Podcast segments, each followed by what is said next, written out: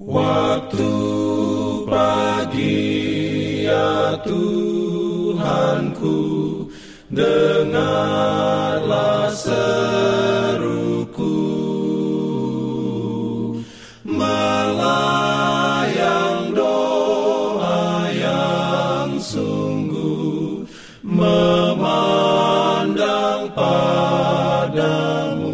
Selamat pagi pendengar Radio Advent Suara Pengharapan Mari mendengarkan suara Tuhan melalui tulisan pena inspirasi bersama Allah di waktu fajar.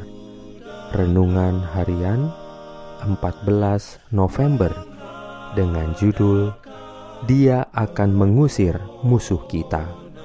Ayat inti diambil dari Ulangan 33 ayat 27.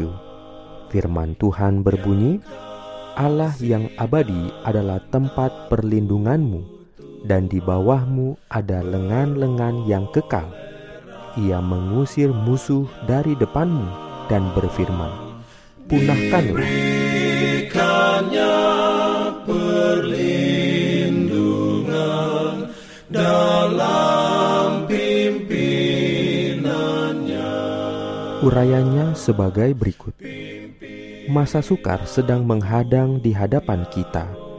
Setiap orang yang memiliki pengetahuan tentang kebenaran harus bangun, lalu menempatkan dirinya sendiri, tubuh, jiwa, dan roh di bawah disiplin Allah.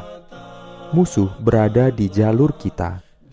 Kita harus betul-betul bangun, berjaga-jaga terhadap Dia kita harus mengenakan segenap kelengkapan senjata Allah.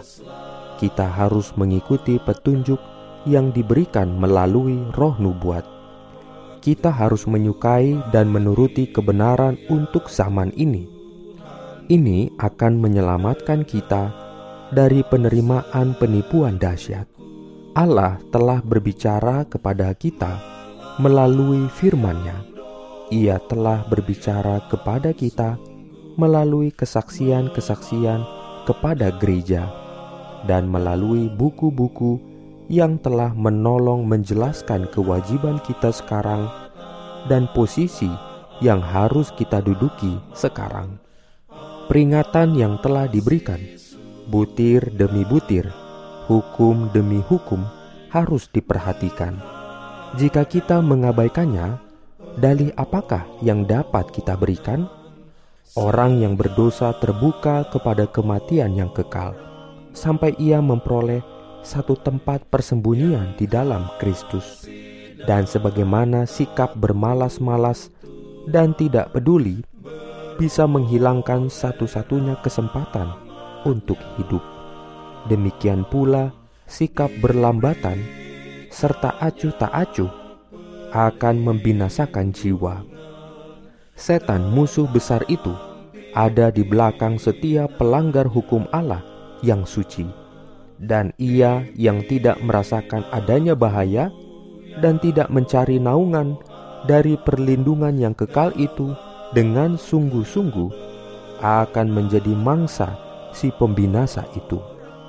Ia yang telah menutup mulut singa di lubangnya dan telah berjalan-jalan di dalam nyala api bersama para saksinya yang setia, tetap bersedia bekerja bagi kita untuk mengalahkan setiap kejahatan dalam diri kita. Ia tidak pernah mengusir orang yang menangis karena hati hancur. Amin. Dalam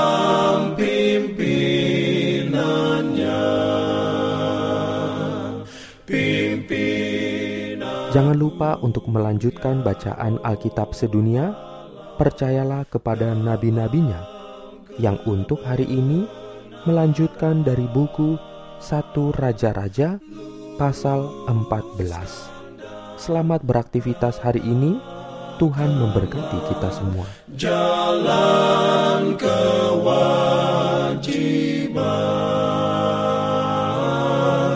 jalan keselamatan.